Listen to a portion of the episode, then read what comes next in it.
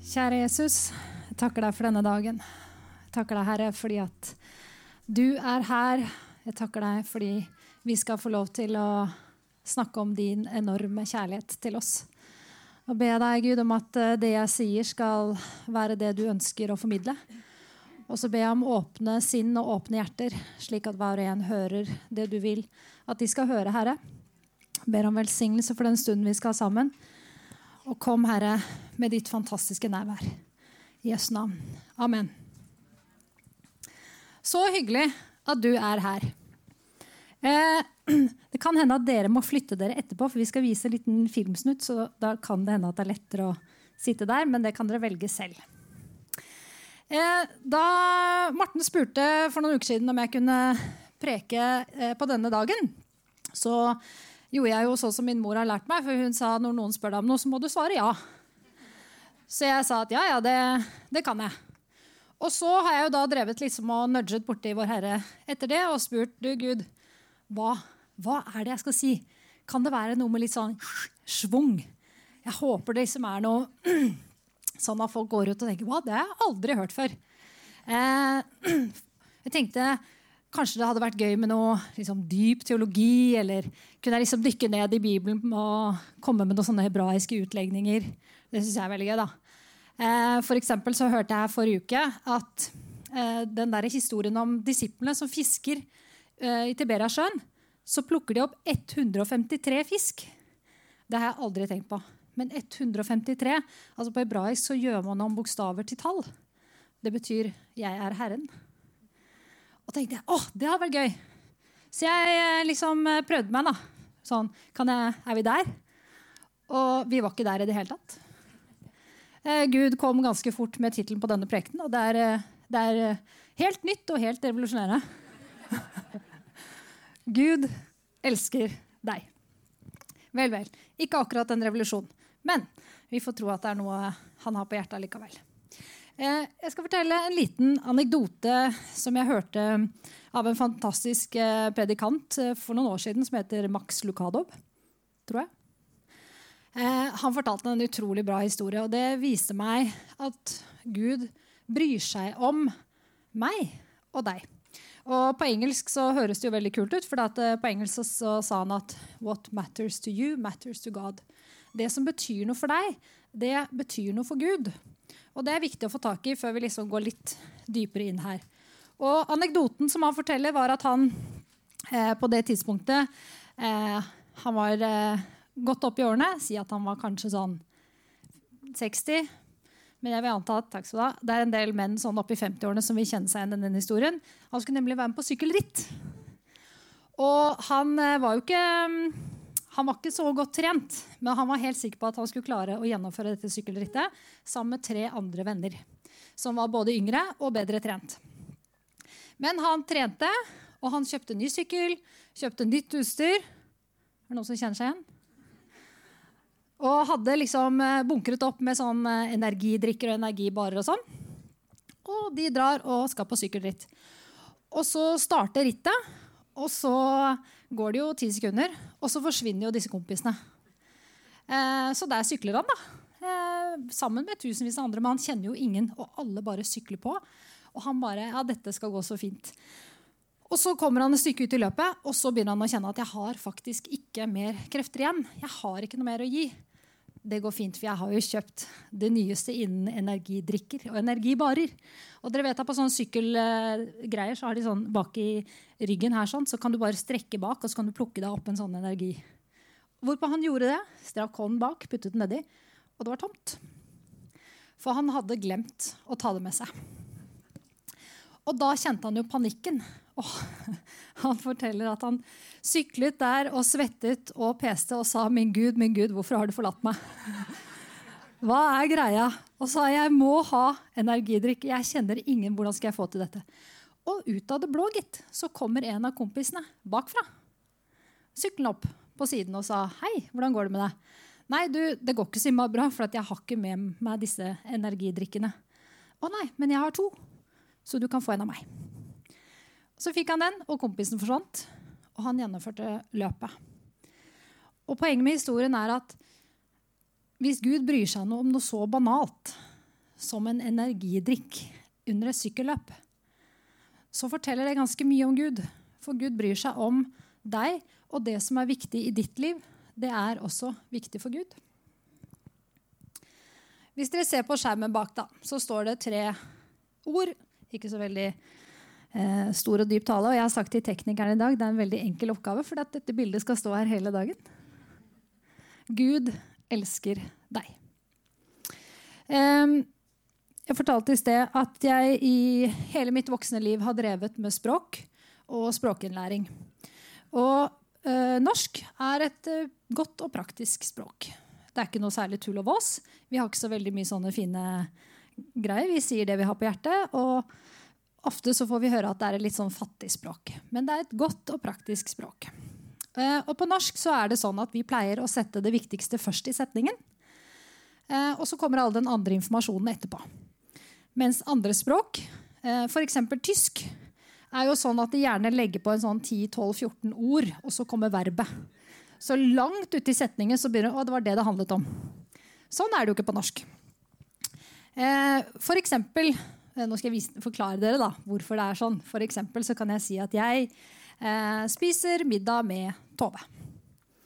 Og i den setningen så er det jo jeg som er det viktige. Jeg har lyst til å fortelle dere at det er jeg som spiser middag med Tove. Men så kan jeg snu på det jeg si at med Tove spiser jeg middag.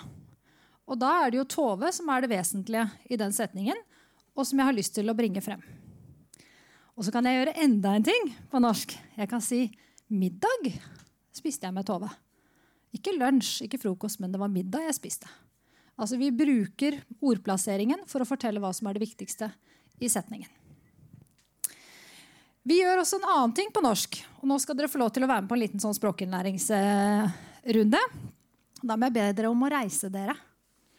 Vi skal ha en liten gymtime. Og det er at I tillegg til ordplassering på norsk så har vi noe som heter trykkfordeling. Og trykkfordeling er vanskelig å lære, og det er vanskelig å forstå. For Hvis dere ser på disse tre ordene her, så hører dere at det er forskjell på hvis jeg sier 'Gud elsker deg'. Eller så kan jeg si 'Gud elsker deg. Eller så kan jeg si Gud elsker deg. Og hvordan skal man forstå dette? Jo, og det, skal få, dette skal dere få helt gratis. Det finnes en, eh, en, språkinnlæringsteori som heter TFR, Total Physical Response, eller total fysisk respons, som handler om at man må gjøre det man sier. Altså, Hvis jeg skal lære et språk, så skal man liksom Jeg reiser meg. Må du gjøre det. Fordi håper jeg ikke det er noen sånn hjerneforskere her, da skjer den oppi huet ditt som gjør at det setter seg bedre fast. Så det skal dere få prøve nå. Eh, fordi Hvis vi legger trykket på første ord, altså Gud elsker deg, så skal dere bøye knærne når jeg sier det. Ok? Og så må dere være med. Vi prøver. Én, to, tre. Gud elsker deg. Kjente du det? Og så skal dere få prøve nummer to. Da er det altså Gud elsker deg. Skal vi se om det går bra? Én, to, tre. Gud elsker deg. Se, her, vi er snart på trim foreldre. Og så er det den siste. Gud elsker deg. Én, to, tre. Gud elsker deg. Takk. Da kan dere få sette dere ned. Så jeg oppnådde at dere fikk litt bak også. Det første ordet her er det viktigste. Det er Gud. Gud, den allmektige, fantastiske, himmelens og jordens skaper. Han som har skapt himmelen, universet, han som har skapt deg. Han som har alt i sin hånd. Det er han som elsker deg. Jeg håper du er elsket av andre mennesker, og at du opplever det. Men husk at Gud elsker deg. Og så har vi dette andre ordet. Og det andre ordet det er rart på norsk. Elsker. Fordi vi bruker det på så veldig mange forskjellige måter. I dagligtalen så bruker vi det stort sett litt sånn eh, Jeg elsker eh, is. Jeg elsker sommeren. Jeg elsker eh, å være sammen med hvem som helst. Men det er jo ikke det som ligger i dette ordet her. I dette ordet så ligger den andre siden av å elske. Og på barnemøtet i dag så måtte jeg forklare det sånn at barna forstår. Og da sa jeg det at hvordan er det når mamma eller pappa reiser bort? Hva føler du da? Og så kan jeg spørre dere som sitter her, hvis du tenker på en person som du elsker, og den personen kommer til deg og sier at du, nå skal jeg være borte i seks måneder. Hvordan kjennes det? Da håper jeg i hvert fall at svaret er at du blir litt trist. At du kjenner at det er ikke så veldig godt. Og så snur vi og så sier vi, hva skjer når den personen da kommer tilbake etter seks måneder? For en glede. Og i de seks månedene imellom så vil du sannsynligvis kjenne på at det er noe som mangler. Det er litt sånn mm, er, jeg, er ikke, jeg, er ikke, hel. Det er et eller annet som er feil. Men sånn er det med Gud. For Gud, han er litt trist når du er borte fra han. Og han er litt lei seg når du ikke er tett innpå han. Men når du kommer tilbake igjen, så blir han jo desto mer glad. Og det betyr jo ikke, altså Hvis du tenker på den personen som du elsker, da, det er jo ikke sånn at alt er fest og jubel hele tiden.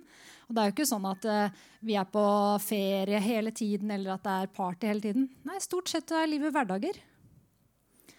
Men allikevel så er det godt da, å være sammen med de menneskene som man elsker. Og sånn er det med Gud. Det trenger ikke å være fest og moro hele tiden. For Gud han er sammen med deg i hverdagen, og det er det han ønsker. Han ønsker å være sammen med deg i hverdagen på de helt enkle tingene.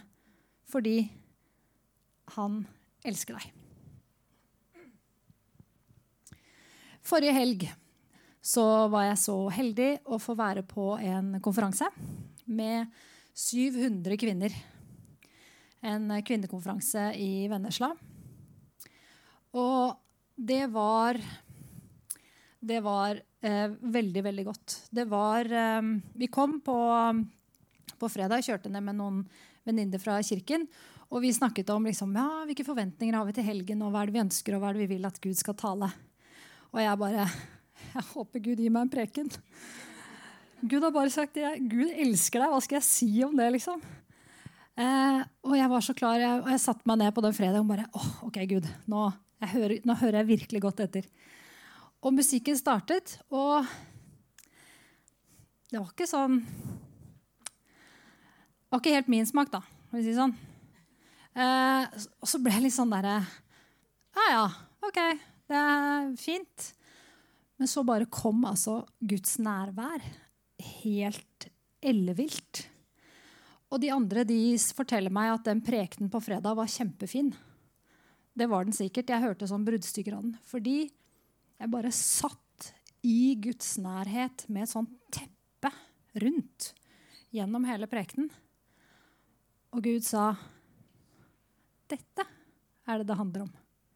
Denne relasjonen med meg. For jeg elsker deg.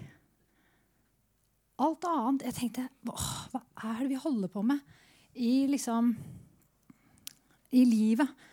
løper av gårde og ordner og fikser. Og så er det rett og slett så enkelt. Hvorfor er jeg kristen? Hva er det jeg egentlig holder på med? Jo, jeg har en relasjon til Gud, den store, den allmektige. Og jeg får bare lov til å være barn og være i hans nærhet Og det var bare så tydelig. Og Gud sa 'back to basic'. Og jeg vet du, igjen hoppet på. Jeg bare, ja, Gud, back to basic, det kan jeg bruke. Ja, ja, og Din første kjærlighet, og det er kjempeviktig. å finne tilbake til Jesus. og jeg tenkte at nå kan vi gå inn i kjernen, og jeg var innom denne lovsangen sånn I'm coming back to the heart of worship. tenkte nå, Gud, nå har vi prekenen. Der er vi. Og så kom, eh, kom, jeg hjem fra konferansen helt eh, full. Det rant litt over. Satt i badekaret en dag og pratet litt med Vår Herre, som jeg ofte gjør. Og så sa jeg, men du Gud, back to basic. Rykk tilbake til start. Det er jo litt sånn trist. Altså, Er det det du vil, liksom? Så komme tilbake sånn, Strafferunde, eller skal jeg liksom tilbake til utgangspunktet? Og så sa så viste Gud meg, for jeg sa til Gud at du, eh, rykk tilbake til start. Dette er jo monopol. Er det noen her inne som ikke har spilt Monopol? Da må vi ha en liten sånn oppklaring først. Hvis vi da går ut fra alle har spilt Monopol, så vil dere fort, nå skal jeg fort avsløre hvor gammel jeg er, for at dere får høre hvilken utgave av Monopol jeg refererer til.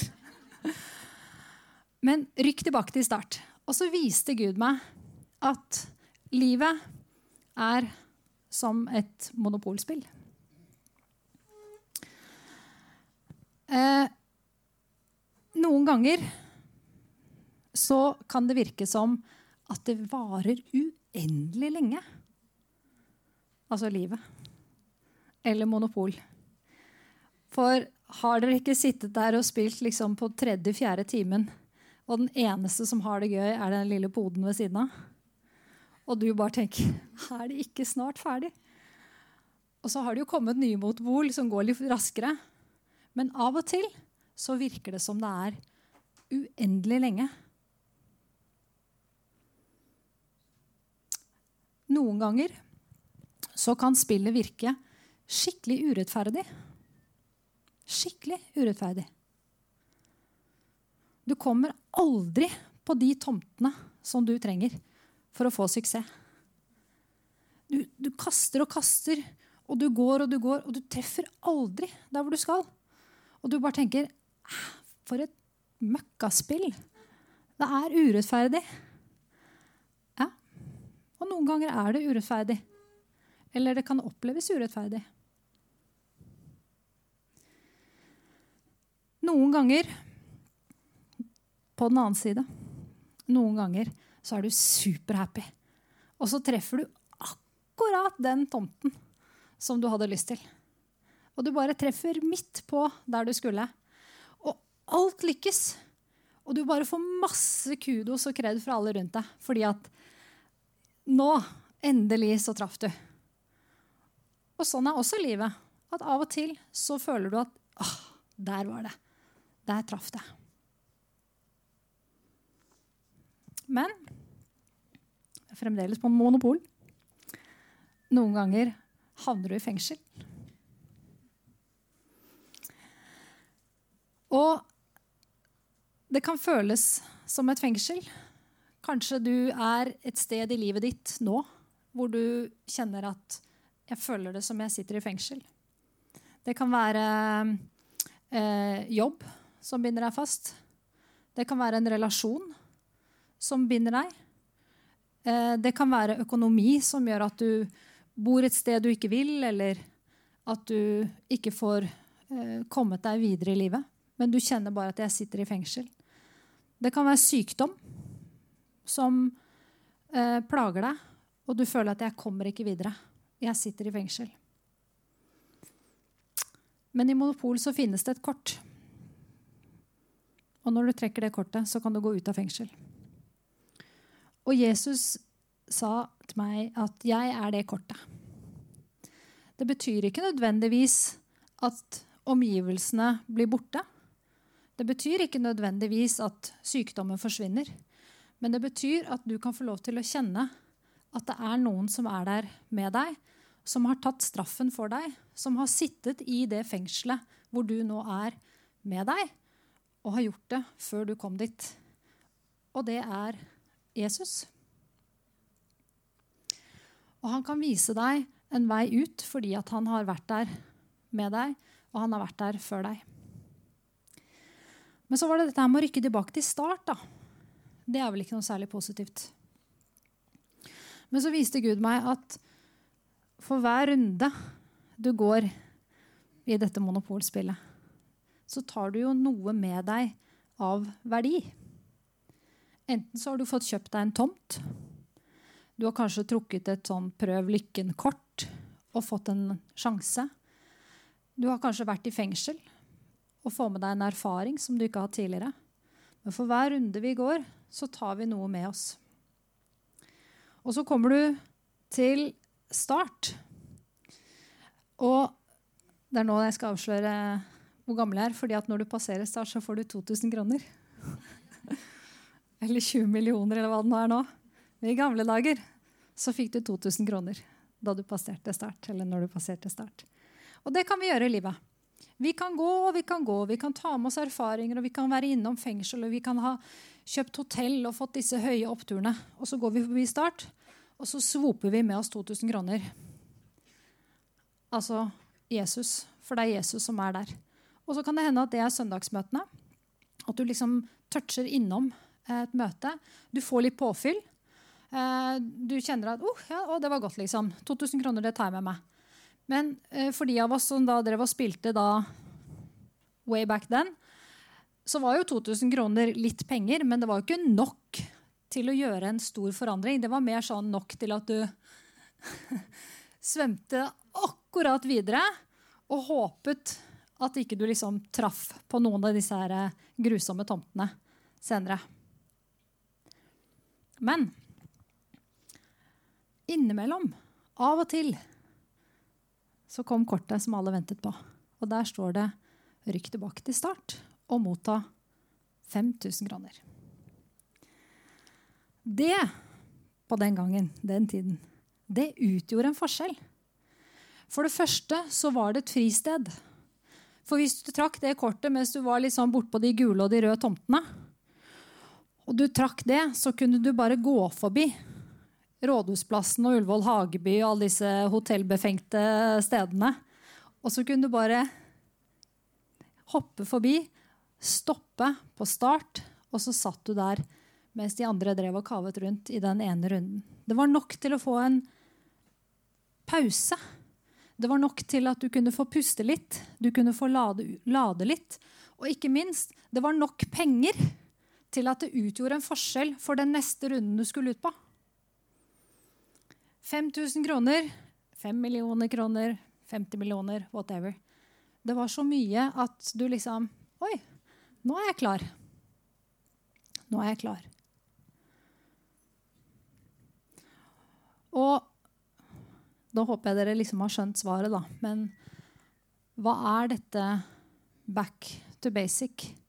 Hva er dette rykk tilbake til start? Hva er det det handler om? Der er Jesus.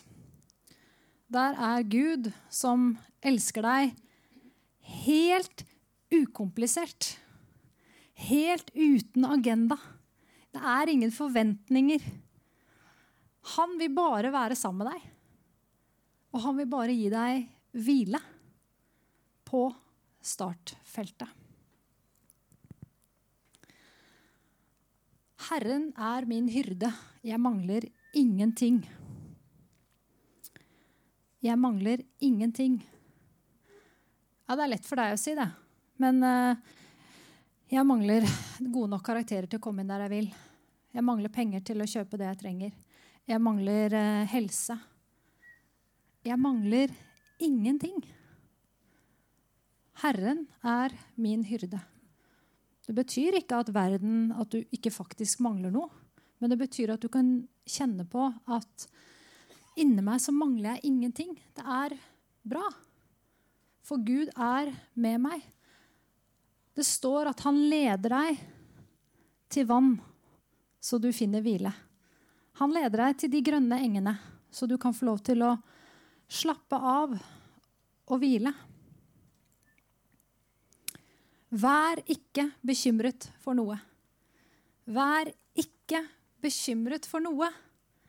Eh, men eh, altså, barna mine, moren min, helse, jobben altså det, jeg, får, det, jeg, er kjempebekymret. Selvfølgelig er vi bekymret, men vær ikke bekymret for noe. Men, men legg det fremfor Gud. Legg det som du har på hjertet, fremfor Gud.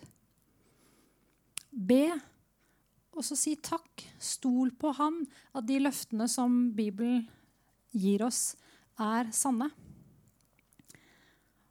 For da kommer Guds fred, som er så uendelig mye mer enn vi forstår. Vi kan ikke forstå Guds fred. Det er jo umulig å forstå. Men for de av dere som har fått oppleve Guds fred, så vet dere at det teppet, den kappen som legges rundt dere, det er, det er ikke mulig å forklare. Jeg kan ikke gå til en eller annen person og så forklare jo, du skjønner at det er det og det som skjer når Guds fred kommer. Men jeg vet hva det er for noe. Jeg kjenner igjen Guds fred når den kommer. Og hver eneste dag så kan jeg få lov til å kjenne på den freden.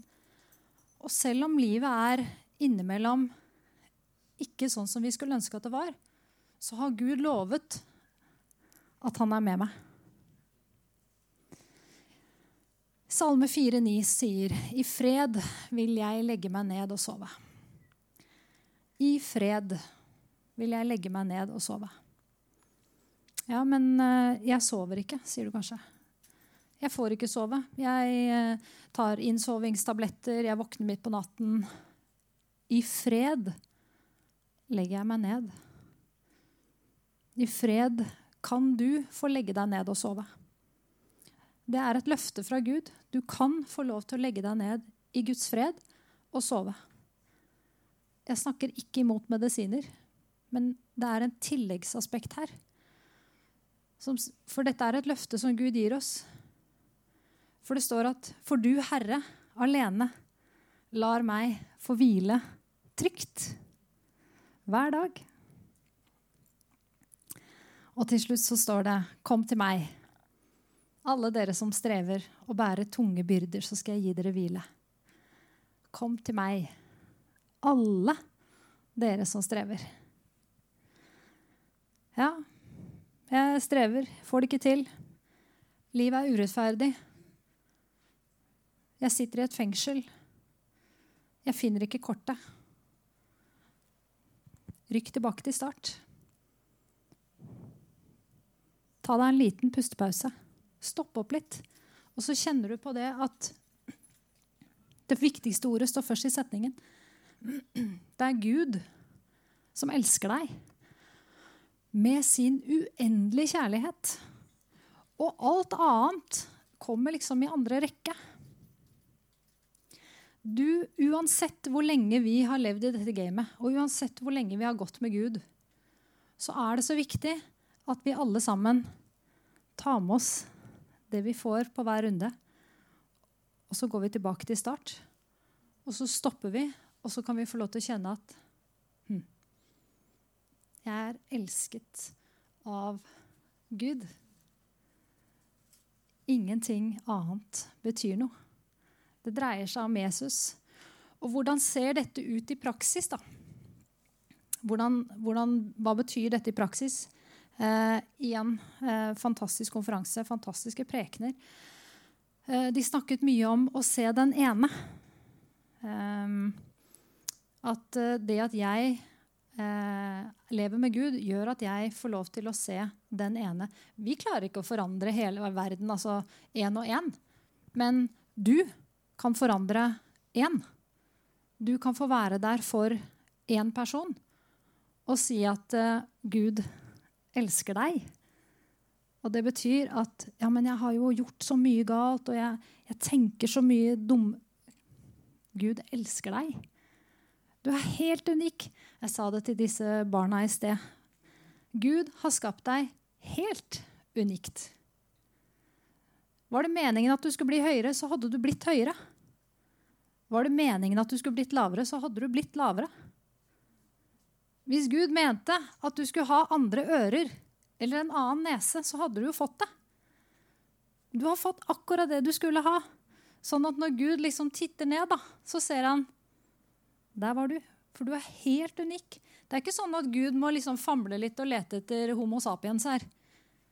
For det er én og én og én og én. Og Gud ser én og én. Og det som betyr noe for deg, det betyr noe for Gud. Så det er ikke sånn at det, dette er sånn stort og svevende, men det handler om en personlig relasjon til deg. Gud elsker deg. Deg er et personlig pronomen. For Gud er personlig. Det er deg. Ja, han elsker selvfølgelig alle mennesker, men han elsker deg. Helt unikt. For en glede. For en fryd. Og for en velsignelse å kunne få lov til å kjenne på det når vi går rundt da, på dette monopolbrettet og lever livet vårt. Og det lykkes og det ikke lykkes, og det går opp og det ned. Og vi, vi møter på dette hint. For en glede og for en trygghet og for en velsignelse det er å få lov til å kjenne at Jeg mangler ingenting. Inni her. Jeg mangler ingenting. Gud, la meg ligge, og la meg hvile. Jeg har bedt eh, teknikerne om å spille en video og en sang. Eh, og jeg ber om at dere er litt tålmodige. Den varer i fem minutter. Men sitt ned, se og nyt og hør. Det er dette det handler om. Gud elsker deg. Gud velsigne dere alle sammen.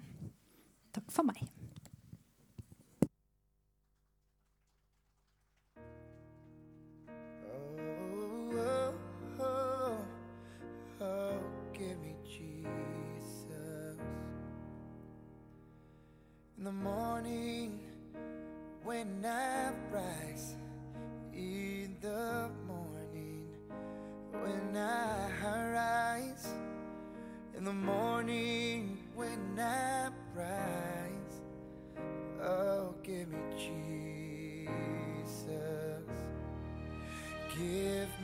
choose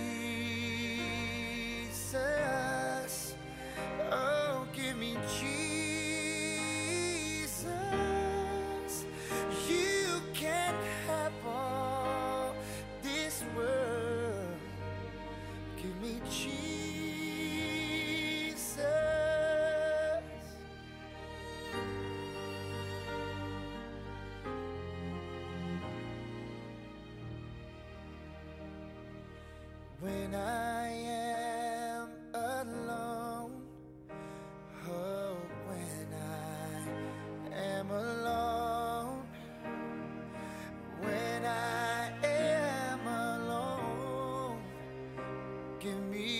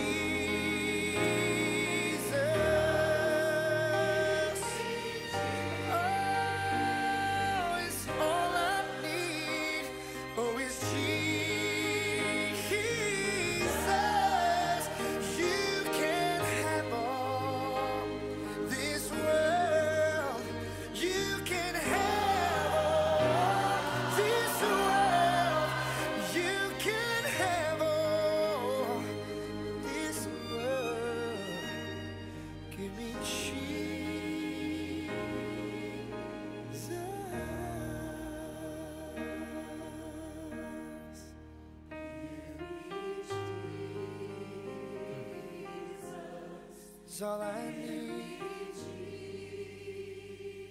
Oh, it's all I need. Give me Jesus.